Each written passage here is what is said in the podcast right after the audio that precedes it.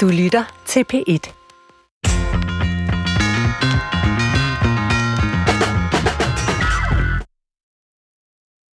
Når naboen larmer, når trafikken støjer, når kollegerne snakker for højt, når børnene skændes med hinanden, når kæresten smasker.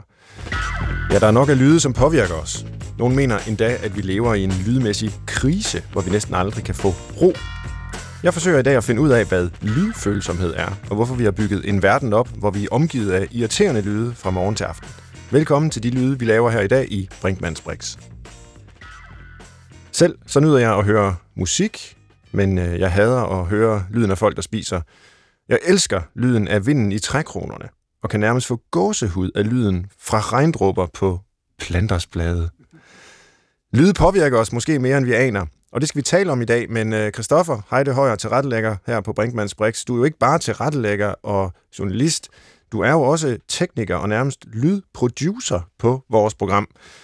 Du har altid høretelefoner på, når vi optager, har jeg lagt mærke til. Hvordan lyder jeg for dig lige nu? Du lyder godt. Gør det? Ja, det synes jeg. Jamen, jeg synes, du har en god stemme, Svend, men vi har også øvet i mange år, ikke? Ja, det har taget øh, næsten 200 programmer at nå hertil. det, det. Nej, men Svend, altså, øhm, jeg vil godt høre dig, hvad, nu siger du, at sådan lyde kan påvirke dig og sådan noget. Hvordan synes du, lyden af din egen stemme er? Jeg synes nu, at den er tålelig. Men da jeg først begyndte at høre mig selv i radioen, øh, eller også dengang man var lille og, og, og optog sin egen stemme på kassettebånd og sådan noget, altså der har jeg altid syntes, den lød øh, træls, for at sige det på jysk. Og ja. det har jeg jo så fundet ud af, det synes næsten alle mennesker, altså ikke kun om min stemme, men også om deres egen stemme. Ja. Øh, men, men det har jeg jo så opdaget, efter jeg nu ustandsligt øh, hører den, hvis jeg engang imellem kommer til at, at tænde for, for P1, når der er Brinkmanns Brix eller andet, øh, så øh, har jeg vendet mig til at høre mig selv. Okay. Øh, så det er blevet tåleligt, men jeg synes ikke, jeg har en fantastisk stemme som Thomas Winding, eller sådan en eller anden, øh, hvor det smelter i øregangen på en med fryd. Altså, så, sådan er min stemme ikke, men den er tålelig. Nu bliver det hurtigt sansefyldt, når du beskriver det her om lyde, men, øh, Ja. og det er det jo også. Det, men øh, hvad tror du, det har indvirkning på os mentalt? Øh, nu er det jo et psykologiprogram, og du er professor ja. i psykologi. Lyde, er det overhovedet noget, I har beskæftiget jer med i psykologiens verden? Ikke så meget. Altså, vi har privilegeret den visuelle perception, for at sige det lidt teknisk. Hvad vil det sige? Øh, det vil sige, at vi har studeret rigtig meget, hvordan vi opfatter verden med vores synssens. Øh, rigtig meget hjerneforskning er bygget op om, altså synscentret og hvordan vi får indtryk der. Rigtig meget, øh, ja, det kalder man så perceptionspsykologi, handler om, hvordan vi aflæser dybde og afstand og sådan noget ved at bevæge os igennem rum. Og vi glemmer jo, at vi også lever i et lydligt univers, og ikke kun i et øh, visuelt, som vi kan jagtage med, med synet. Øhm, jeg tror, at man har forsket mere i det i øh, altså, fysiologien selvfølgelig, men også i øh, altså folkesundhedsvidenskaben. Sådan noget som trafikstøj for eksempel, øh, er der øh, studier, der viser er ganske skadeligt. Mm. Øh, Jeg slog det faktisk op her øh, som forberedelse til i dag. Og nogen mener, at omkring 5% af alle slagtilfælde i Danmark skyldes øh, støj fra vejtrafikken. Øh, 600 nye slagtilfælde årligt i Danmark. Det er jo alligevel en, en hel del. Så der er simpelthen mennesker, der dør i Danmark på grund af ja, støjforurening, kan vi kalde det. Jamen, og hvorfor er det så alligevel forholdsvis underbelyst i psykologiens verden? Det kan jeg da ikke forstå. Hvorfor kaster du dig ikke over det i morgen? Uh, det er et dejligt spørgsmål, og øh, vi har nok ikke helt tid til hele den lange, lange gennemgang, men jeg tror, det begynder med Platon. Okay. Altså, som privilegerer synet, ikke? Altså, lysmetaforerne for erkendelse, det er at forstå noget i verden, det er at blive oplyst. Mm. Øh, og sådan har det været i hele den vestlige idehistorie. Øh, vi har sådan en, med et meget fint ord, synsepistemologi, altså en teori om erkendelsen, som beror på, at vi ser verden. Og det gør vi selvfølgelig også, men vi mærker den også med vores øh, følesans, vi smager på den, og vi hører den. Mm. Og af en eller anden grund, så fylder det, øh, du må ikke hænge mig op på procentsatserne, men sådan i, i, i den del af psykologien, kognitionspsykologien, der handler om, hvordan vi erkender vores verden, ja, der vil jeg tro, synet fylder øh, mindst 90 procent. Og så er der 10 øh, tilbage til de resterende sanser, og jeg ved ikke, hvor meget af det, der hører hørelsen til, øh, og, og lydene, men, men ikke ret meget. Jeg kom til at tænke på, at der findes jo sådan noget lydterapi, og sådan nogle apps, man kan downloade med sådan en rolig stemme, Ja. der sådan, øh, lige siger et eller andet, øh, træk vejret ind på syv, og, Mm. og nu ud på otte, eller et eller andet. Tror du, din stemme kunne til det? Nu er du jo trænet radiovært og psykolog. Øhm, Du får en lille prøve. ja. Du slapper helt af og mærker efter i din store tog. Du er helt rolig og klar til at lytte til resten. Du ændrer accent. Gør jeg det? Ja. jeg lyder ligesom dem i fjernsynet.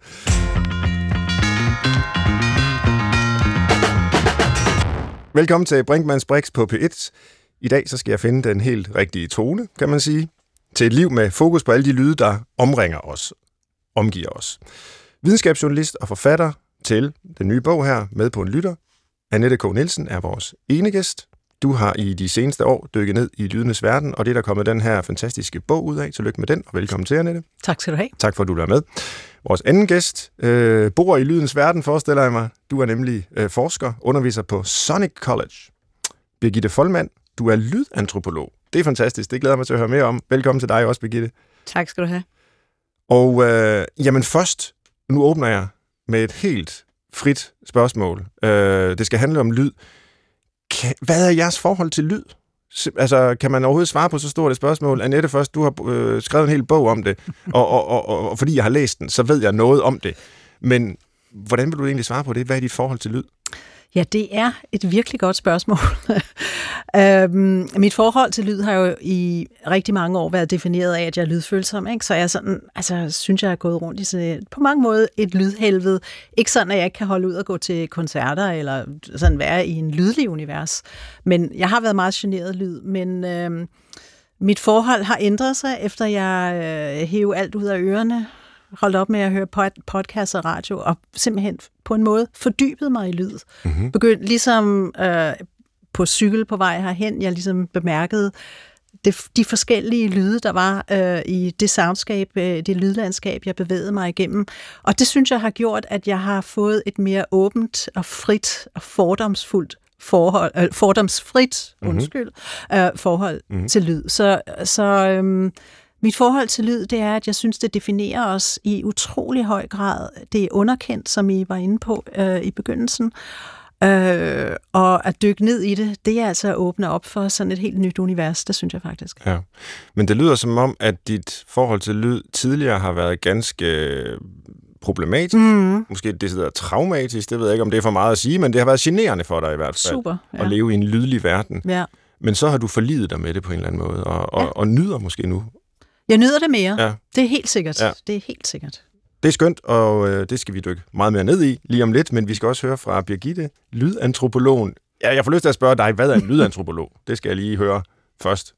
Ja, altså i virkeligheden så er det jo lidt sådan firkantet at sige, at jeg er lydantropolog. Ja. Fordi jeg forsker i sanseoplevelse og sanseerfaring.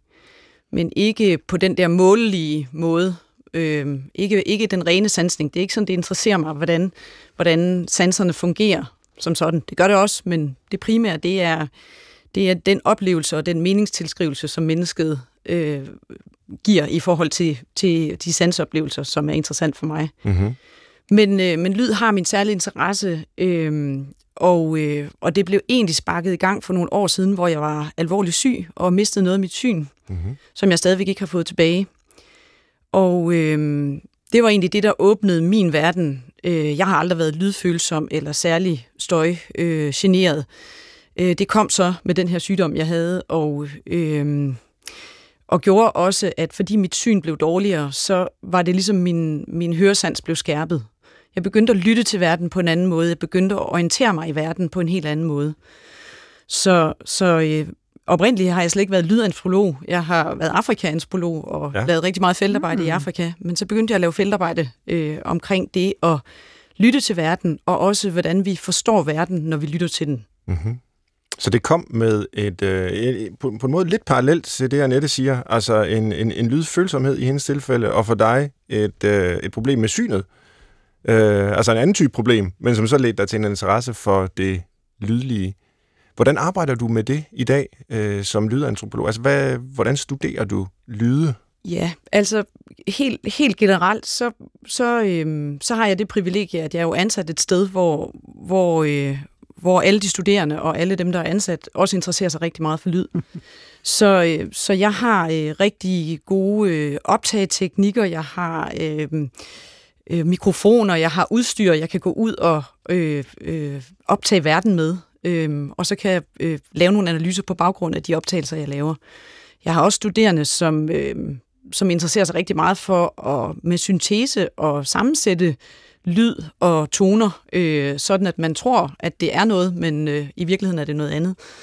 Øh, så, så på den måde, så, så er det et privilegie. Men, men man kan sige, som antropolog, der er en af de vigtigste ting, man gør, det er jo at lytte øh, til, hvad folk siger, øh, lytte til livet, lytte til sociale praksiser. Øh, vi ser selvfølgelig også, hvad der sker. Vi deltager øh, ofte øh, for at forstå det. Øh, og igen det der med, nu snakker vi igen lyd sådan meget som sådan en helt ensidig sans, som om, at det er ja. det eneste, vi studerer. Men i virkeligheden så er øh, høresansen jo bare en, en af vores sanser, og det er rigtig svært at skille det ad. Mm. Øh, men, men sådan forskningsmetodemæssigt, så noget af det, jeg gør, det er, at jeg bruger rigtig meget sådan det, jeg kalder genkaldelsesinterview. Så hvis jeg skal have folk til at forholde sig til de sanseoplevelser eller de sanseerfaringer, de har, så tager jeg dem med tilbage til det miljø, øh, hvor de har oplevet det i, og mm-hmm. så mhm. taler vi sammen der. Ja. Og, øh, og jeg har også øh, haft forskellige forskningsprojekter, blandt andet på Gøstrup Hospital, hvor man har forsøgt øh, ved at tilføje eller tilføre hospitalsrum nogle helt andre indtryk, altså sansindtryk. Og så har vi lavet nogle, nogle antropologiske undersøgelser, også lydantropologiske undersøgelser af, hvad sker der så for patienter, der er i et miljø, hvor de bliver stimuleret sansemæssigt. Mm-hmm. Annette, det kan være, at vi skal høre lidt om mm. lydfølsomhed, hvad det egentlig er. Der er jo ganske mange, øh, som ser ud til at være lydfølsomme. Ja. Øh, os, der ikke er det, for det tror jeg ikke, jeg er, har aldrig rigtig, jeg har i hvert fald aldrig rigtig tænkt over, at det skulle være et så udbredt problem, som som, som det er. Mm. Hvad, hvad er det egentlig? Altså jeg vil så også sige, at mange af os, der har lydfølsomme, viser det sig, øh, efter jeg har været sådan lidt ude og snakke med folk i forbindelse med den her bog, vi går stille med dørene med, mm. fordi folk reagerer virkelig dårligt på det, okay. hvis man beder folk om at skrue ned eller Nå, tage ja. hensyn ja. og sådan noget. Så til, man finder sine workarounds, kan man sige, ikke, øh, i længden. Men øh, sådan som en finsk øh, lydfølsomhedsforsker definerer det, eller snakker om det, ikke, der siger hun, at Altså, når man er lydfølsom, det betyder, at man er mere påvirket af for en uønsket lyde. Altså, det er jo ikke alle lyde, men uønsket lyde, ikke? som man kunne sige er støj, måske. Ikke? Ja. Man er super opmærksom på på øh, de her lyde, ikke? Og man opfatter det som en trussel også. Man bliver mere sådan agiteret af det, og man reagerer rigtig meget på det øh, på en rigtig dårlig måde. Mm. Jeg har i hvert fald. Og en anden øh, herboende russisk forsker, hun har lavet nogle undersøgelser, der viser, at folk, der er lydfølsomme, de kan vældig godt lide at høre musik, og de kan også spille musik. Og jeg har spillet for eksempel guitar, det har jeg gjort i mange år, jeg elsker også at høre musik. Men de kan virkelig ikke lide at høre musik i baggrunden mm. når man handler, når man går i butikker, sådan i det hele taget. Så det er ligesom sådan et, kan man sige, et kompleks. Ja. Så der jo findes der jo andre former for lydfølsomhed, som kan komme af traumatisk hjerneskade og hyperakuse og misofoni og ja. øh, børn og unge og voksne, der er på øh, Asperger-skalaen ja. og sådan noget, har også en lydfølsomhed. Men det beskæftiger mig ikke rigtig med. Det her er sådan bare, og mellem 20 og 40 procent angiveligt, altså på forskellige måder. Vi er jo alle sammen, det, det er jo ikke ens, så, så i, i varierende grad. Øh, den her finske lydfølsomhedsforsker, hun siger måske 10-15 procent er sådan super lydfølsomme. Okay, ja. det er jo alligevel ret, ret mange. Ja, og ja. som sagt, når jeg har snakket med folk, altså der er virkelig nogen, der føler, jeg var lige ved at sige, føler sig set, måske man kunne sige, de føler sig hørt, fordi ja. at det er rimelig stigmatiseret at være lydfølsom, fordi man bliver, får så dårlige reaktioner på det ikke, generelt. Og det er jo lidt interessant, synes jeg, at du nævner det her med, at øh, du for eksempel godt kan lide at høre musik, mm. godt lide at spille musik, men hvis musikken er i baggrunden, så har du en ja, følsomhed over for den, som ikke er behagelig. Ja. Øhm, er det karakteristisk for lydfølsomhed, at hvis man for eksempel selv frembringer lyden, så er den ikke så problematisk, men hvis den er i baggrunden, man ikke har kontrol over den, er den mere problematisk, eller hvis den måske kommer, altså jeg sidder bare og gætter, for jeg kender ikke til det, øh, hvis den kommer øh, pludseligt, mm. overraskende, Altså man kan jo øh, sige, altså man kan jo sige, at det ved du sikkert også, altså vi reagerer jo alle sammen på udefra kommende pludselige ja, lyde. Ikke? med et altså, chok. Eller? Ja, så får vi sådan en uh, fight-or-flight-respons. Ja. Ikke? Altså man, man fryser, man orienterer sig, man dukker sig lidt og sådan noget, og så finder man ud af, hvor det er henne, og så finder man ud af, at man skal løbe, eller det bare var en eller anden, der skreg, og det var ligegyldigt. Ikke? Øhm, altså, Jeg synes, det er svært at... Altså, jeg ved ikke, som den her finske lydfølsomhedsforsker siger, det er ligesom et underbelyst felt. Mm. Øh, der er ikke nogen... Der er ikke, jeg kan ikke referere til noget som helst. Ikke? Selvfølgelig øh, er det jo som regel sådan, at de lyde, man selv laver, er man ikke altid så opmærksom på. Øh, og derfor føles det som om, at det er de andre. Og der er det her kontrolaspekt, at jo hvis man synes, man kan kontrollere sit lydmiljø, så føles det bedre. Ikke? Og det, der er mange med lydfølsomhed, som jeg også har gjort, det er, at man render rundt med ørepropper og formstøbte ørepropper og støjreducerende hovedtelefoner og hvad som helst, ikke? for at føle, at man har kontrol øh, over situationen, skulle man blive udsat for det her. Men det er lidt sjovt, du fortæller nu, at du er øh, holdt op med at mm. høre podcast hele tiden, og Ja. at du er også inde på det i bogen, ikke? Altså, og, og det faktisk øh, har hjulpet, Ja, eller det, hvad? det altså, er øh, fordi spøjst. det der med at Ja. lukke l- uf, hvad kan man sige, uønskede lyde ude Mhm. ved hjælp af, af høretelefoner og gå ind i en, en puppe, Mm. det, øh, det er måske ikke det, der skal til for dig længere, eller hvad? Altså, for, for, for mit eget vedkommende kan jeg sige, mm. at det uh, var ikke en god strategi. Altså, man kan sige, at der er vel sådan nogle afsentiseringstiltag, der hedder, at hvis man lukker sig ind, og man kun uh, hører sit eget selskabte univers i hovedet, ikke? Uh, så ender man jo med sådan set at blive mere følsom. Så jeg har også talt med en audiolog, der siger, at man behandler folk med sådan meget voldsom og invaliderende lydfølsomhed med at putte et lille øreapparat, høreapparat ind i ørerne og sende hvid støj ud. Nå. Øh, det er sådan sådan lyd der, ikke? Eller Ja. noget andet. Øh, for at vende folk til lydpåvirkning. Fordi problemet er jo, eller glæden er, at vi kan ikke lukke os af fra lyd. Altså, Nej. Vi kan prøve, vi kan gøre vores bedste, men... Vi kan lukke for- øjnene for det og, og det er jo det, som ja, lydantropologer arbejder med, ikke? at vi er sænket ned i et lydligt univers mm. hele tiden. Mm. Ja, det er det, der er interessant. Det er jo, at øh, lyd er det, vi kalder emassivt. Så det vil sige, at lyd har sådan en omslutningseffekt. Det er rundt omkring os. I virkeligheden, ligesom hvis vi hopper i havet og har vandet som sådan en omslutning, øh, omsluttende ting rundt om os. Øhm, og og det, det, der er problemet med lyd, er også, at vi kan ikke pege og sige, det er præcis lige der. Mm. Det er lige der. Øhm, fordi lyd kan kastes tilbage, det kan reflekteres, det kan, det kan transformere sig øh, undervejs. Så, så det bliver også nogle gange sådan en irriterende ting, fordi vi ikke rigtig helt kan stadfæste præcis, hvad kommer det af, hvad kommer det fra. Mm. Øhm, og det er det der med, at lyd er emassivt, som, ja. Som, som gør det svært. Der må også være et kæftigt element af, af, af kontekst i det. Mm. Altså, det er jo ikke bare den enkelte lyd, der, der har noget i sig selv, eller har mening i sig selv. Altså, hvis man for eksempel går til en koncert, øh, lad os sige med øh, støjrock, eller et eller andet, som for de fleste vil være dybt ubehageligt at lytte til, hvis man bare fik det kastet i hovedet ud af det blå. Men når man er til koncerten, så kan det være smukt og øh, bevægende, mm. og fordi det, det, det ligesom går i, kroppen på den helt rigtige måde. Ikke? Men, men der har det jo været en del af sådan et lydligt øh, univers, man er blevet ført ind i. Jo, og man kan vel også sige, at altså, nogle af de sansehistorikere, som jeg taler med, ikke, de siger, at der, og som du jo også fremhæver, der er jo ikke nogen sans, der lever alene.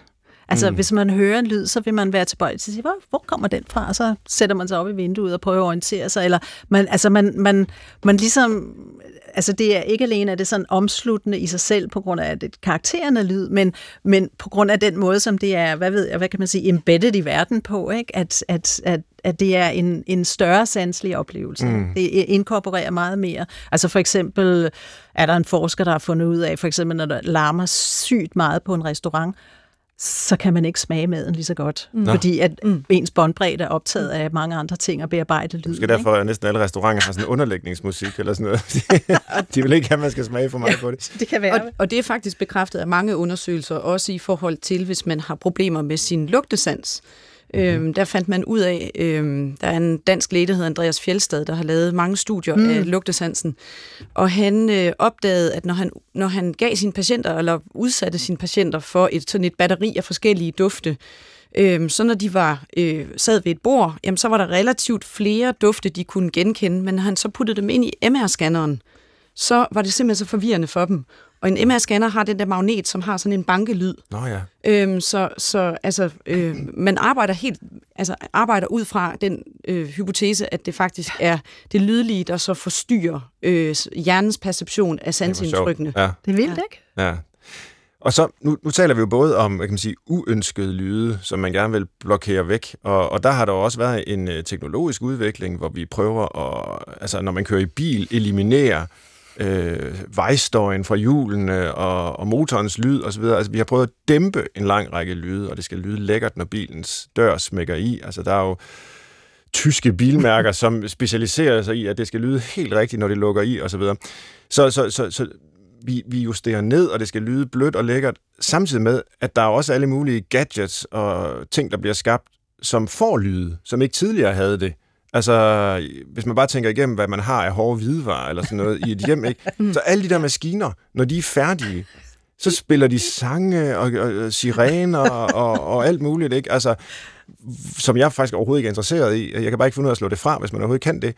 Men hvorfor skal alt have en lyd i dag? Nu spørger jeg lydantropologen Birgitte ja, her. altså det, det, det er meget interessant det der med, med vores hjem. Jeg har lige for nylig læst et sted, at øh, et, et gennemsnitligt vestligt hjem har 50 lydgivende, altså i den høje ende lydgivende. Wow. Ja, det er meget. Øhm, Sådan interaktionslyde. Ja, lydgivere, ikke? 50 lydgivere. øhm, og det er sådan et, et, et gennemsnit, der har man lavet nogle store undersøgelser med. Øhm, og, øh, og ja, det er da interessant, hvorfor de er. Altså, jeg har jo personligt selv altid, da mine børn var små, har jeg tilsat noget silikone ind i deres legetøj, sådan at øh, de der legetøjsting, de har larmet mindre. Øhm, simpelthen fordi det generede mig at høre dem. Men er det ikke også vildt, synes jeg, at de lyder så dårligt, de lyde der. Ja. Altså, altså det er, de er sådan alle sammen sådan på, på sådan en eller anden bip-skala med Ja. en eller anden art. Ikke? Og jeg tænker, i dag, hvor altså jeg som er lyddesigner, eller arbejder med lyddesign, øh, altså man kan designe nogle altså i virkeligheden meget skønnere lyde, end de der øh, helt utrolig irriterende biplyde. Men, men det er jo det, der er interessant. Nu, nu talte Svend lige før, eller du spurgte til det med konteksten før. Mm.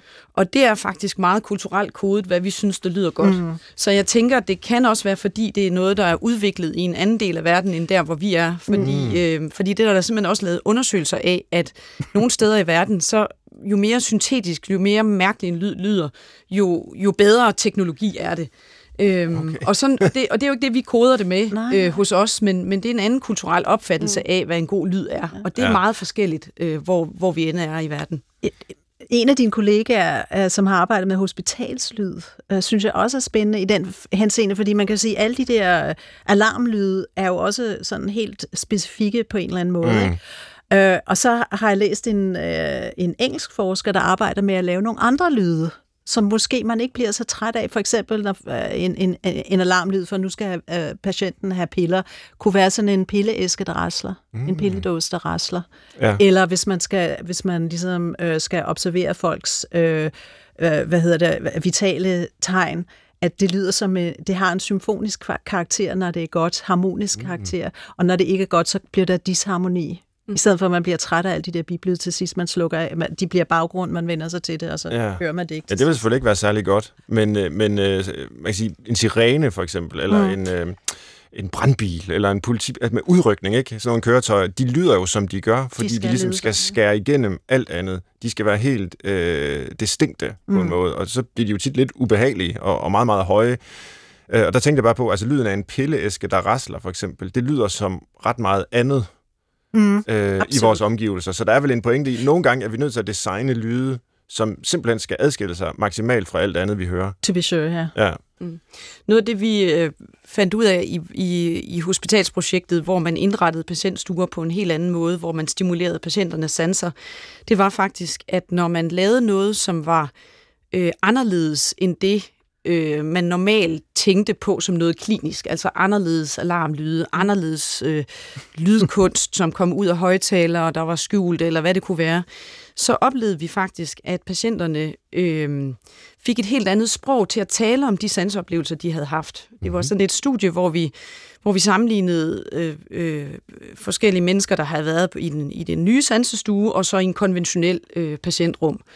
Øhm, og det, der var meget tydeligt af de øh, interviews, jeg har lavet, det er, at, øh, at der, hvor, hvor det var noget andet, der, hvor der skete noget sansemæssigt, øh, der havde øh, helt tilfældigt udvalgte øh, mennesker, der havde været indlagt i det rum, et helt andet sprog, en anden evne til at reflektere over, hvad er det, der sker, Okay. end de andre.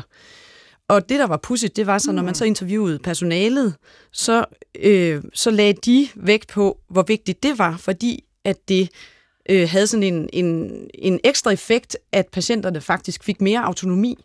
Mm-hmm. De opdagede det først ved, at der var færre, der kaldte i snoren på personalet. Altså, de klarede sig simpelthen mere selv.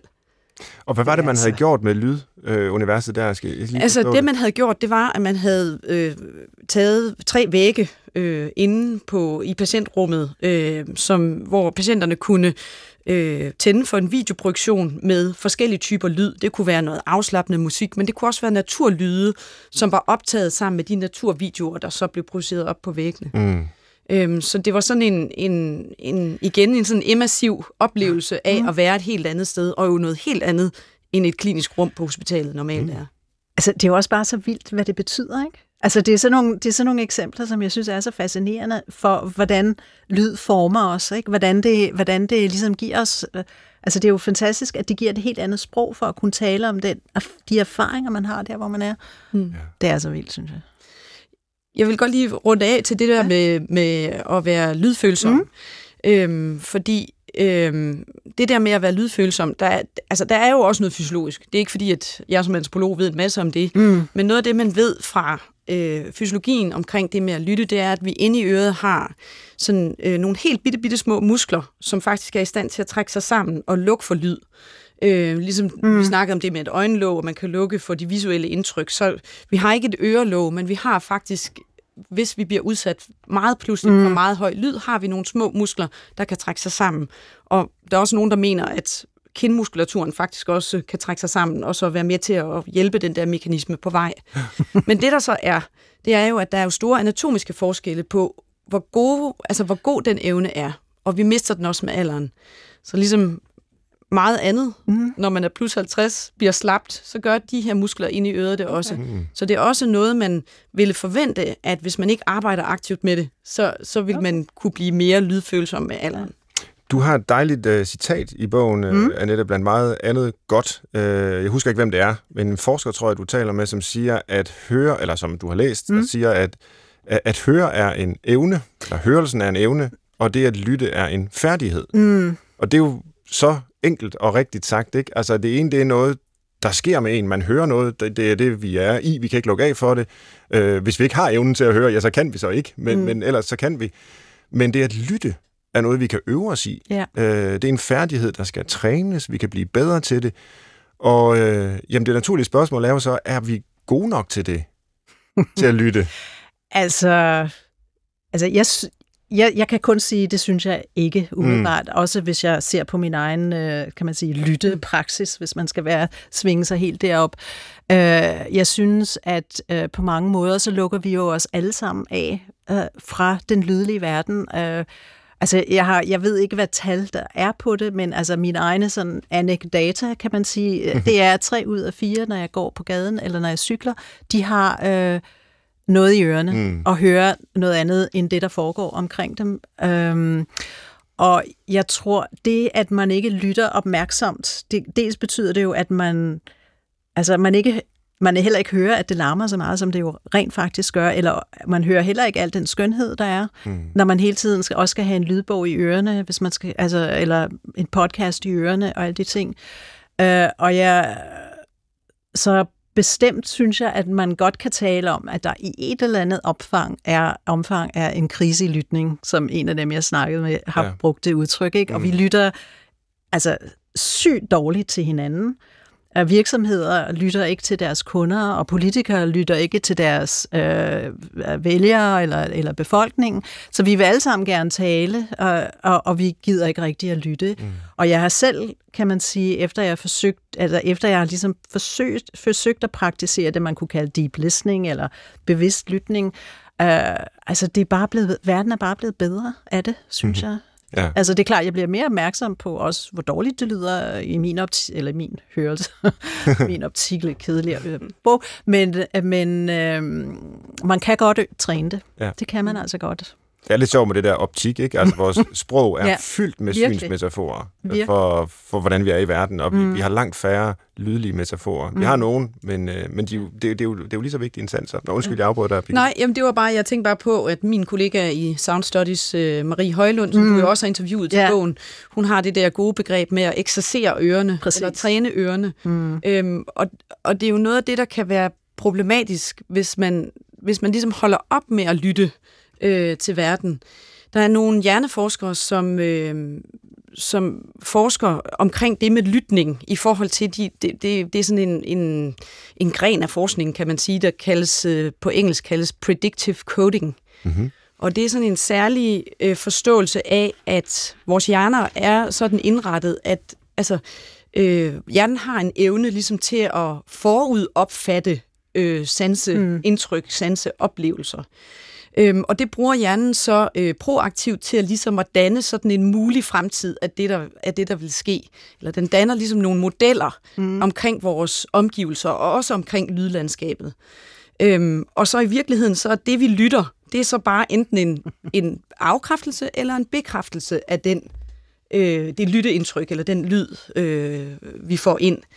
Øhm, og hvis de her modeller, de bliver alt for snævre, eller bliver alt for ensidige, eller øh, sådan, øh, jamen, så kan man jo godt forestille sig, at det kunne give en, en eksplosion i flere lydfølsomme, når de tager ørebøfferne af.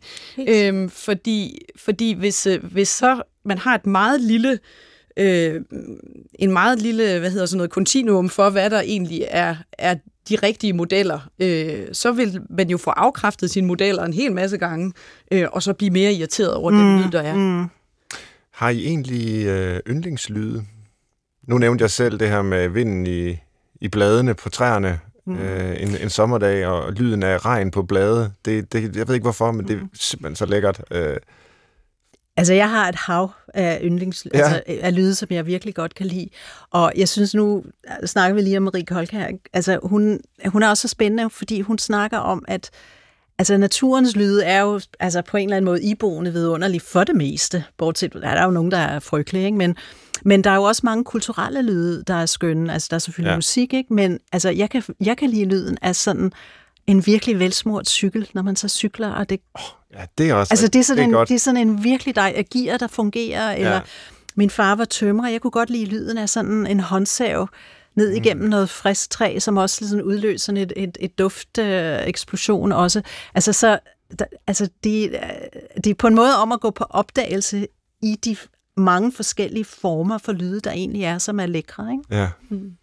Hvad med dig, Birgitte? Har du yndlingslyde? Ja, altså, jeg kan rigtig godt lide lyde under vand. Ja. Og jeg kan rigtig godt lide bølgers øh, lyd, Mm. altså det er bølger og strøm ja. under vand. Det, det, det, det kan jeg rigtig godt lide. Men noget af det, jeg også har lagt mærke til i forhold til min egen øh, sans for lyd og lytning, øh, det er egentlig, at jeg sådan i, i, i de senere år har, altså man kan sige næsten sådan, måske i stedet for, for eksempel i forhold til musik, i stedet for at høre, nu vil jeg høre den plade eller noget bestemt øh, musik, så, så er det ligesom mere sådan at kuratere en atmosfære. Mm. Mm. Der er nogle bestemte, når jeg er i et bestemt humør, så hører jeg noget bestemt, eller jeg indretter mit hjem efter, øh, ja, efter øh, bestemte lyde, og, og, øh, og også, som jeg ved, du også gør, Annette, øh, prøver at forhindre bestemte lyde, Ja. hvis, det, hvis Ja. det er sådan. Men det er mere sådan en helhedsopfattelse af, at det er en rar stemning, en rar atmosfære at være i. Og det kan godt nogle gange involvere heavy metal, mm. eller Ja. øh, noget andet. Ja, men jeg kom nemlig til at tænke på noget andet. Det var, at jeg snakkede en gang. Øh, det, var, det var kort tid inden jeg gik i gang med den her bog med en glaciolog. Og jeg spurgte hende, jamen, hvad er din yndlingslyd? Og så sagde hun, at oh, hun elskede sådan at tage snescooteren væk fra basecamp, når hun var ude på is, indlandsisen, ikke? og så slukke for det hele, og så bare lytte til den der form for stillhed, der var derude på isen. Og så kunne hun virkelig godt lide lyden af et Herculesfly. Fordi det, det var livlinen. Det Ja, var, Så det kom var, forsyningerne. så kom forsyninger, og så kunne man komme hjem igen. Ja. Så, altså, så kom Ja. der nye mennesker. Altså, det- siger ja. noget om sådan spændviden i, i hvad, hvad der kan være yndlings. Ja, det tænkte jeg også på. Altså, hvor meget af, af det, der er folks yndlingslyde, som... Øh, altså, dels kan man diskutere, hvor meget der er helt individuelt, og hvor meget der hører den kultur mm. til, som man er en del af. Men man kan også diskutere, hvor meget der er universelt, altså fordi det måske mm. er sådan evolutionsbiologisk nedlagt i os. Mm. Altså det med rislende vand, eller, eller sådan dråber, øh, det er jo nemt at forestille sig, at det på en eller anden måde har været adaptivt at være tiltrukket af den slags lyde, ja. fordi vi har et behov for ferskvand for at kunne mm. overleve. Altså, sådan nogle ting er jo ret banale. Øh, men, men, men så var du inde på, eller det var I sådan set begge to, det her med, at der også er en kulturel variation, hvor nogle steder skal noget lyde øh, kunstigt, øh, fordi så er det sådan højteknologisk og nyt. Fedt. Og ja, øh, og andre steder øh, i verden synes vi, det er lidt øh, øh, corny, eller det, det, det, mm. det er ikke så, så smukt i hvert fald. Kan man sige noget som helst om, altså hvad er øh, naturgivet i forhold til vores lydlige præferencer, og hvad er kulturelt præget? Øh, det er jo sådan et evigt spørgsmål i det her psykologiprogram, hvor meget kommer fra biologien, hvor meget kommer fra mm. det sociale. Men med hensyn til lyde, kan man opdele det på den måde? Hvad siger I? Du er nok mere på ja. Ja, jeg synes, nej, altså vi kan ikke sådan opdele det så sort-hvidt på den mm. måde. Øhm, men det vi ligesom kan sige er generelt for mennesket, det er den her, øh, igen den her måde, hvorpå øh, sanseerfaringer og sanseoplevelser læres i os. Altså mm. den her kropslige tilstedeværelse i verden, øh, og som man jo faktisk også forskningsmæssigt kan få folk til at tale om, og det er ret interessant. Mm. Men, men hvis I prøver at tænke tilbage på nogle af de sådan skældsættende begivenheder, der har været i jeres liv, så er det meget ofte sanseoplevelserne, man kan huske. Mm. Øh, hvis man har været til en begravelse øh, for mange år siden, jamen, så kan man ikke huske, hvad præsten sagde, eller præcis hvem der var med af gæster. Mm. Men man kan huske duften af den våde jord, man kan huske vinden, der slog ind i ansigtet, når man kom ud af kirken, eller lyset, der kom ind i kirken. Så det er meget tit det, der ligesom læres i os. Og det er også noget, der sker før reflektivt, altså før prækognitivt. Ja. Vi sanser før, vi erfarer med hjernen. Mm. Øhm, så, så det, man kan sige noget generelt om, det er egentlig, at det, at det virker, det man i psykologien kalder affektivt. Altså det, at man op, oplever noget, og så kobler man det øh, for eksempel til en følelse af et eller andet. Det synes jeg, du beskrev rigtig godt mm. med, med din far med saven der mm. øh, i træet. Hver eneste gang, jeg hører rådhusklokkerne, så tænker jeg på kernemælk. Og det er fordi, vi fik altid... Jeg, jeg har besøgt meget ofte min øh, farmor, da jeg var lille, og vi hørte altid øh, pressens radioavis kl. 12. Det startede med rådhusklokkerne, og hun var sådan øh, præcis og patentlig. Så fik vi øh, mader lige der, og det er det eneste sted, jeg fik kernemælk. Det var jo, når jeg var hjemme hos hende. Så der er sådan nogle, og det var rigtig hyggeligt mm. og, og dejligt, så jeg, jeg associerer altid noget varmt med, med rådhusklokkerne, men også helt specifikt kernemælk. Og jeg kan simpelthen ikke lade være, det dukker op altså nærmest smagen af, af, mm. altså, kernemælks syrlighed, mm. øh, hver eneste gang, jeg hører dem. Og, og det, det er jo lidt skægt, hvordan at forskellige sanser er koblet sammen. Ikke? Øh, altså Marcel Proust har i den her på sporet det, det, det er jo så øh, Madeleine-kagen, der udløser hele den her strøm af erindringer, som han mm. fylder seks bind med, eller hvor langt det nu er. Ikke? Ja. Øhm, og, øhm, og, og, og, og i mit tilfælde, jamen, så er det den her helt almindelige lyd, øh, som vi jo hele tiden hører, øh, enten hvis man går rundt i København, eller hvis man tænder for sin radio. Øh, har I det på samme måde, at lyde er koblet med, ja, du nævnte jo egentlig selv begravelsen som et eksempel, hvor det er koblet til en begivenhed. Øhm, kender I det fra, fra barndommen? Altså, eller? jeg kender det på den måde, at jeg er vokset op øh, jeg er ikke vokset op i Danmark, jeg er vokset op i, i flere øh, forskellige lande, og jeg elsker lyden af cikader om ja. natten. Den ja. der sådan som både var der, hvor jeg født i, i, øh, i Zimbabwe, og også Du skal høre, hvad jeg har på min uh, telefon her. Jeg har også sådan en, tror jeg. ja. Alle mulige slags. Jeg yes. elsker det. Det er så skønt. Og altså, så på den måde har jeg nogle yndlingslyde, der ligesom er koblet til, hvad skal man sige, mange af de der øh, forskellige steder, øh, jeg har boet. Ja. det har jeg. Men jeg synes, det er jo interessant, det der, den der, netop det der affektiv, fordi det er jo lidt ligesom med lugt, ikke? Altså, at, som man også har fundet ud af her efter corona, hvor der er så mange, der har mistet deres lugtesans, ikke? Hvor meget lugt betyder for, for erindring og væren og, og sådan også rummelig oplevelse og alle de der ting, ikke? Mm. Det er jo vel det samme, det samme sådan koblet på lyd, sådan den der sådan sådan sænkning, man er i sådan en sanse, sanselig verden, ikke? Jo. Altså, vi lukker os selv virkelig meget af for sanserne, synes jeg, jo mere jeg er beskæftiget med det her, sådan helt generelt, synes jeg. Ikke? Kan man det... sige noget om dårlige lyde? Um, altså nu har vi været lidt inde på de her minder, vi har om, om gode lyde, og hvad for nogle præferencer folk mm. har med hensyn til, hvad de godt kan lide at lytte til. Men hvor enige er vi om, hvad der er dårlige lyde? Um, det er vi ikke rigtig enige om, mm-hmm. eller hvad? I ryster på hovedet? Altså det er jo svært, det er svært, netop fordi det meget oftest er oplevelser, vi kobler øh, ja. med noget, vi har oplevet tidligere, eller nogle følelser, vi har i os. Øh, men noget af det, vi kan sige i forhold til dårlige lyde, nu, nu ved jeg også, at Nette, du har beskæftiget dig lidt med nabostøj, og mm. det er jo også noget, antropologer interesserer sig for, fordi det er noget, der virkelig kan få folk op i det røde felt. Ja. Øh, men, men ofte så hvis vi nu tager den der situation med, at man faktisk ved, hvor lyden kommer fra, og det handler om, at man har en nabo, som larmer. Hvis man så i forvejen er uvenner med naboen, øhm, og ligesom kan tillægge naboen dårlige intentioner med at spille den radio så pisseirriterende 8 timer dagligt, eller hvad det nu kunne være, øhm, så har man en tendens til ligesom at, at i hvert fald at putte det i kategorien som en rigtig dårlig lyd. Øhm, hvis vi tager et andet eksempel, for eksempel en hane, der galer, når man bor i en landsby, øh, jamen det, det kan hanen kan jo ikke gøre for, den galer. Det er dens, instinkter. Det er naturen. Det gør den hver morgen. Øh, det kan man godt blive irriteret over, men man bliver knap så irriteret over det. Mm. Så, så, så jeg tror, det er ret individuelt, og så alligevel er der også noget kulturel kodning i forhold til det. I hvert fald det der med, hvis man, hvis man kan tillægge intentioner bag ja. en lyd, en dårlig lyd, som noget, man opfatter som en dårlig lyd. Det, sige, det er i hvert fald en dårlig cocktail. Den der lyd af, oh, jeg kan så næsten engang sige det, men altså negle på en tavle. Ja.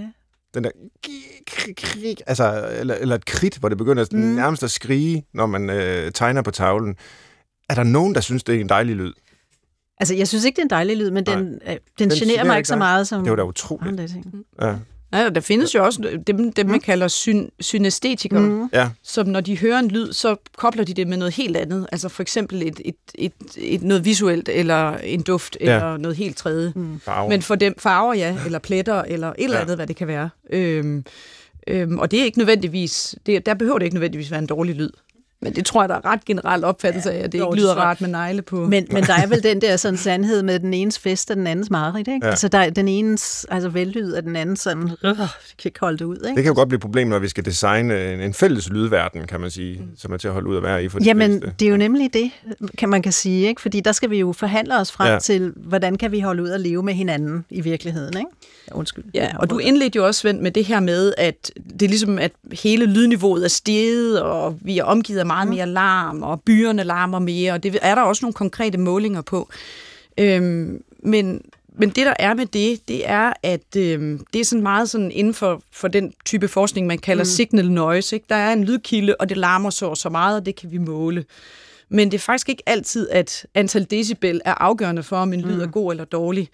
Men, men der findes øh, nogle forskellige retninger, men for eksempel inden for byplanlægning, hvor man ligesom prøver at lave nogle forudsigelser på, hvordan, hvis man planlægger en ny bydel, hvordan lydmiljøet så vil være, hvor man, hvor man ved, også igen fra psykologien, at hvis vi meningsfuldt kan skille lydkilderne ad, så er de ikke helt så generende, så er det ikke helt så dårlige mm. lyde for os. Så man prøver at tilstræbe det, der hedder en lav densitet af lyde, altså det vil sige, man tilstræber, at at lydene kan skilles ad. Mm. Øhm, og det lykkes nogle gange, og andre gange yeah. gør det ikke. Lytter til Brinkmanns Brix på P1. I dag med forfatter til Med på en lytter, Annette K. Nielsen, og øh, lydantropolog ved Sonic College, Birgitte Folmand. Og vi har jo som altid vores smuglytter med, i form af tilrettelægger Christoffer Heide Højer. Hvad har vi overhørt? Jamen, jeg, lige i dag er jeg der er, min liste er lang, men jeg vil prøve at gøre det kort. Altså, i går var jeg til lægen, og der bragede Adele ud af højtalerne, og nogle skrættende højtalere af slagsen. Og der sad en mand, jeg ved ikke, hvad han havde ondt i, eller hvordan, men han havde i hvert fald hænderne op foran øret, og sådan helt tydeligt prøvede at komme ud af det rum. Så, og han blev nødt til at være der, for det var venteværelse til lægen, så han skulle jo ligesom sidde der. Og, og, og det skruet ned, mens han sad så åbenlyst... Øh, det kunne jo også være, at han bare havde en hård hovedpine. Jeg ved det jo. Ja, ja. Men, øh, men det, var, ja, det stussede jeg i hvert fald over. Hvorfor spille høj radiomusik øh, sådan et sted? Og så gik jeg ud på gaden, og der bragede en bus forbi, lige da jeg kom ud. Og, det, tænker, og efter jeg har talt med jer indledningsvis, øh, inden I kom i dag, så er jeg desværre blevet lydfølsom, føler jeg nærmest. jeg er i hvert fald blevet mere opmærksom på mange mm. lyde. Og sådan, hvordan undgår man at blive tosset? Ja, altså Altså, det er jo oplagt, at der, at der er de her lyd, meget, meget høje lydniveauer, ikke? Der, altså, som vil være godt sådan at skrue lidt ned for generelt, ikke? Men, men øh, som Birgitte er inde på, ikke? Altså, der, den oplevede lyd og den målbare lyd, det er altså to fuldstændig mm. forskellige ting. Men jeg synes, at nogle af øh, Birgittes kollegaer i Aarhus, Annette Vandsø og øh, øh, Morten Breinholt. Morten Breinholt og Marie Kolkær, de har, de har diskuteret øh, begrebet sonisk medborgerskab, og jeg synes, det er bare et, en virkelig interessant og spændende måde at tænke lyd på, fordi at det handler jo om, at vi skal kunne forhandle os frem til, hvordan, hvordan kan vi skabe en samtale med hinanden om, hvordan det skal lyde. Ja. Øh, og det kan vi jo gøre ved, altså man kan sige, at vi har alle sammen ret til at larme, men vi har også pligt til ikke at larme i nogle bestemte situationer. Så, så jeg synes, det er et begreb, der vil være værd at sådan få lidt ud på mange forskellige måder, og se, om man kunne lave sådan en, en måske også altså til kamp for overflødig lyd imellem bevægelser, ikke? Øh, sådan så vi får en lidt skønnere sonisk verden. At det vi nogle gange glemmer, det er jo, at vi selv er en del af det også. Så, så når du hører bussen Christoffer, ude foran lægens, mm. Øh, ikke også, så, så hvis ikke du har haft en bil, eller nu ved jeg ikke, hvordan du kom derhen, men havde du ikke haft en bil, så det og Jo, jeg drønede jo hele vejen derhen og larmede for en masse andre på vejen. Ja, men det er det. Så, så, så det er den der, det er derfor, det med det soniske medborgerskab er en god idé, fordi vi, vi, vi, har, vi kan meget nemt pege fingre ud øh, mm. i forhold til, at andre laver, laver meget høje lyde, men, men, men vi er jo selv en del af det. Men jeg tror også, det handler noget om, at vi har sådan en en forestilling om, at hvis, der, hvis det er noget med lyd, så skal vi gerne kunne kontrollere det. Mm. Og det mhm. tror jeg også, du sagde i starten. Mm. Øhm, så hvis ikke det ligesom er et aktivt redskab, hvis det er noget, der ligesom skal være i baggrunden, så, øh, så, så passer det ikke helt ind øh, i den måde, vi, øh, vi er vant til at, at designe vores øh, lydmiljø eller ja. vores lydlandskab omkring os. Nu er tiden fremskreden, så jeg har lige kun én ting mere, jeg når. Det er, det, og det er en personlig kæphest, og jeg tænker, en dag vil jeg udgive en bog, lidt ligesom din... Øh, Annette, hvor jeg har undersøgt storrumskontoret.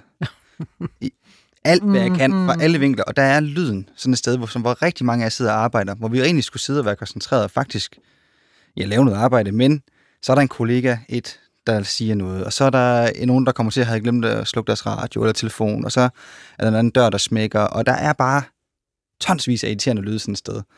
Øhm, hvad gør vi ved det? Der må I altså lige hjælpe mig. Vi skriver første kapitel nu, hurtigt. Hvordan kommer vi af med de lyde? Altså, der er jo desværre jo ikke nogen opskrift på det. Der er jo nogen, der arbejder med, og nogle gange er de, er de lokaler, som der er de her open plans kontorer i, altså akustisk set virkelig dårlige. Ikke? Så altså, lydenergien, den øh, kører rundt i rummet, ikke? så man kan gøre et eller andet ved at, at nedsætte øh, neds, nedsætte simpelthen øh, efterklangstiderne. Ikke?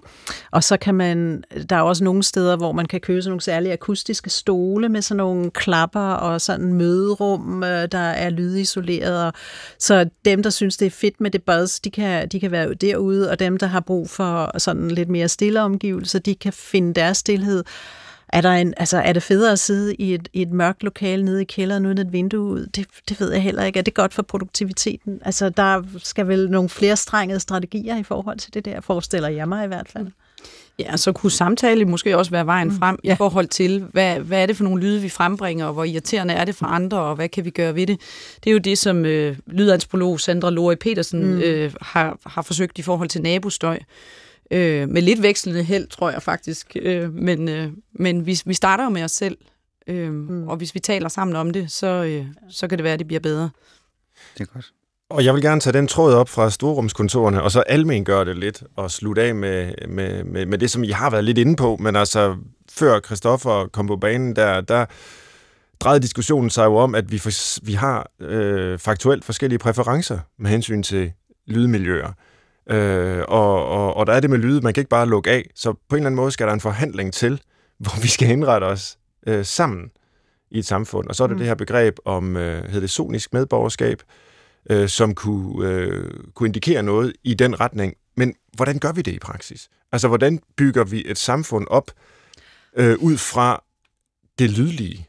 Mm. Jeg ved godt, selvfølgelig arkitekter, de tænker på, hvordan dæmper man og alt det der, sådan, men som samfund, altså, øh, skal vi have en fælles samtale om, hvordan vi gerne vil have, at vores verden lyder? Eller hvordan kommer vi i gang? Ja, nu er vi i gang her. Men, ja. øh... Altså noget af det er vel den fælles samtale, men altså, jeg, jeg, der, uh, Annette Vandsø, som, som er soundstudies-forsker, hun snakker om for eksempel, at det jo måske er en katastrofe, det der med, at børn ikke har noget musikundervisning med. Mm. Fordi det er sådan et, et rum, hvor man lærer at lytte, og finde ud af, hvornår det er min tur, og hvornår er det den andens tur, så man kan finde en, en, en altså man bliver opøvet i at kunne forstå vekselvirkning i, i, i lydfrembringelser. Altså i det små sker der noget øh, rundt omkring, sådan nogle, som du siger, måske med varierende øh, held, sådan nogle øh, akustiske vandringer, mm. hvor man lærer sit miljø at kende, og man, altså sit lydmiljø at kende. Både, altså hvad skal man sige, inde i en bygning, hvor man siger, altså hvor folk bliver introduceret for, at ejendommen, den etageejendommen, er et fælles akustisk rum, mm. øh, selvom vi alle sammen har vores, hver vores lille sådan pod. Mm. Jeg ved sådan noget, ikke? Mm. Altså, vi er jo faktisk øh, lavet et samfund, hvor vi er rigtig gode til at tale, og ikke ret gode mm. til at lytte. Øh, men vi ved, at mennesker aktivt gør noget for at samstemme sig med det miljø, de er i. Så, så det er ikke fuldstændig umuligt at ændre på det. Altså, øh, man kan godt forestille sig, hvis man på engelsk kalder man det attunement. Mm. Det kommer også fra, fra musikkens verden, ikke? Det der med, at man stemmer sig ind med et miljø. Øhm, hvis man bliver bedre til det, eller øver det allerede fra skoletiden, eller der bliver mere snak om det. Altså, jeg tror, du spurgte, Svend, i starten også om det her med, om altså, synssansen har den her forrang i vores samfund. Mm. Men jeg synes alligevel, selvom jeg kun har været i det her felt i sådan de sidste 5-6 år, så øh, der sker noget. Mm, det gør det er helt nemlig. klart kommet på dagsordenen på en helt anden måde end tidligere. Ja, og man kan vel sige, at corona-nedlukningen, øh, det var, vir- det var med til at sætte to sanser virkelig på dagsordenen, og det ene var høres eller lytning, mm. fordi alting kom til at lyde så anderledes, meget, meget pludseligt. Og det andet var lugtesansen, fordi der er så mange, der har mistet den eller blevet mm. udfordret på den. Ikke? Så på den måde, så tror jeg, at det, at der i forvejen er, er ligesom sker noget på det, og så er det ligesom er virkelig sat sådan, altså fokus på det under corona. Men vi har nok ikke været vant til at tænke på det at lytte som en færdighed. Nej. Altså vi forstår godt, at der er mennesker, der kan tjene penge på at bruge deres næse til at udvikle mm. parfumer. Nogle er ekspert i at, at, at, at dufte. Mm. Der er eksperter i at, øh, at, at smage, ikke? Nogle, folk, der kan smage forskel på den ene og den anden vin, og så videre, ikke? Og, øh, ja, synsansen, ikke? Der er folk, der kan se et røntgenbillede og afkode det. Mm. Altså, typisk mm. læger, som arbejder med benbrud eller et eller andet, øh, på en måde, som, som, som jeg slet ikke kan. Der forstår vi godt, der er færdigheder knyttet til brugen af de sanser. Ja. Men det tænker, det har jeg i hvert fald ikke tænkt over, gælder øh, høresansen mm. på samme måde kunne man sammensætte en form for curriculum, eller sådan et træningsprogram for lytningen? Og hvad skulle det så øh, bestå i i givet fald?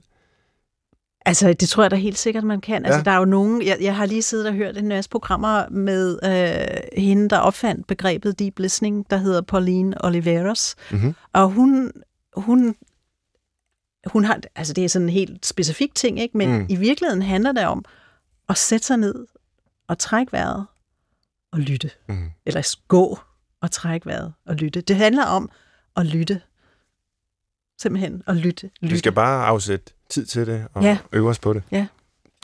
Og så skal vi måske tage, tage høretelefonerne af, så vi ikke kun hører, øh, selvom det kan være fint at høre podcast og blandt andet dette program, øh, så, så skal vi også have andre inputs med.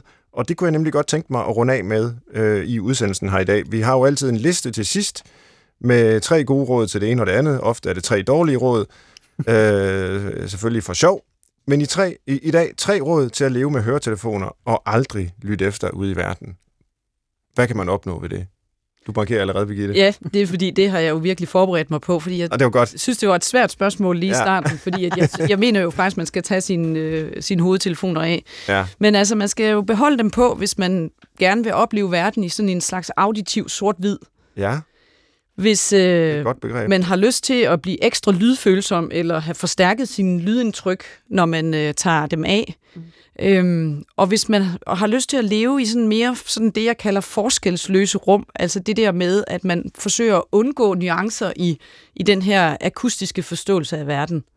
Og jeg tror, Marie Højlund, hun vil have sagt, hvis, hvis du vil beholde dine ører som ufleksible, så skal du have høretelefoner eller hovedtelefoner på hele tiden. Sådan. Det var tre, og måske endda fire. Ja skarpe bud, som virkelig giver mig lyst til at tage høretelefonerne af, vil jeg så sige. men øh, men øh, ja, godt indspil. Annette? Altså, jeg kan sådan set skrive under på det, som, som de, de fire... Altså, hvis, hvis, hvis du virkelig vil lukke dig selv ind i, i dit eget headspace, og, og ikke tænke dine egne tanker, aldrig fordybe dig heller i din egen tænkning, så have konstant podcast og, Mm. og lydbøger i ørerne, fordi det garanteret den eneste samtale, du har, det er, drejer sig om det, du lige har hørt i radioen eller i, i noget andet. Så hvis du også vil altså, kunne høre dig selv, mm. øh, hvis, eller, men altså, du vil ikke kunne høre dig selv, så, så undgå at høre dig selv, tag de der høretelefoner på, hør alt muligt, og på den måde undgå overhovedet at reflektere over noget som helst Ja. overhovedet.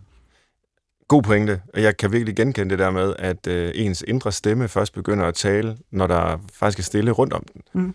Øh, så kan man selv afgøre, om man har lyst til at høre på den eller ej. Men øh, tusind tak for de input, og tak i det hele taget for, øh, at I kom og tak. sagde en masse spændende ting med god lyd på. Du har lyttet til Brinkmanns Brix på P1, og gæsterne var øh, Annette K. Nielsen, der er videnskabsjournalist og forfatter til bogen her, som er udkommet for nylig, med på en lytter, og lektor på Sonic College, Birgitte Folmand. Efter sommerferien så begynder vi på et nyt tema om arbejdslivet, og I må meget gerne sende forslag, der falder ind under det. Alt fra arbejdspladsen og kolleger, chefer, arbejdsløshed, årene inden pensionen, arbejdsrelateret stress, Kristoffers storrumskontor, hvad ved jeg. Det fylder meget i vores liv med arbejdslivet, så øh, på godt og ondt, det vil vi sætte fokus på til efteråret. Skriv til brinkmannsbrix.dr.dk Nu vil jeg bare sige tak for nu. Fra Christoffer Heide Højer til retlægger og mig selv, Svend Brinkmann. Jeg håber, vi høres ved næste gang på Genhør.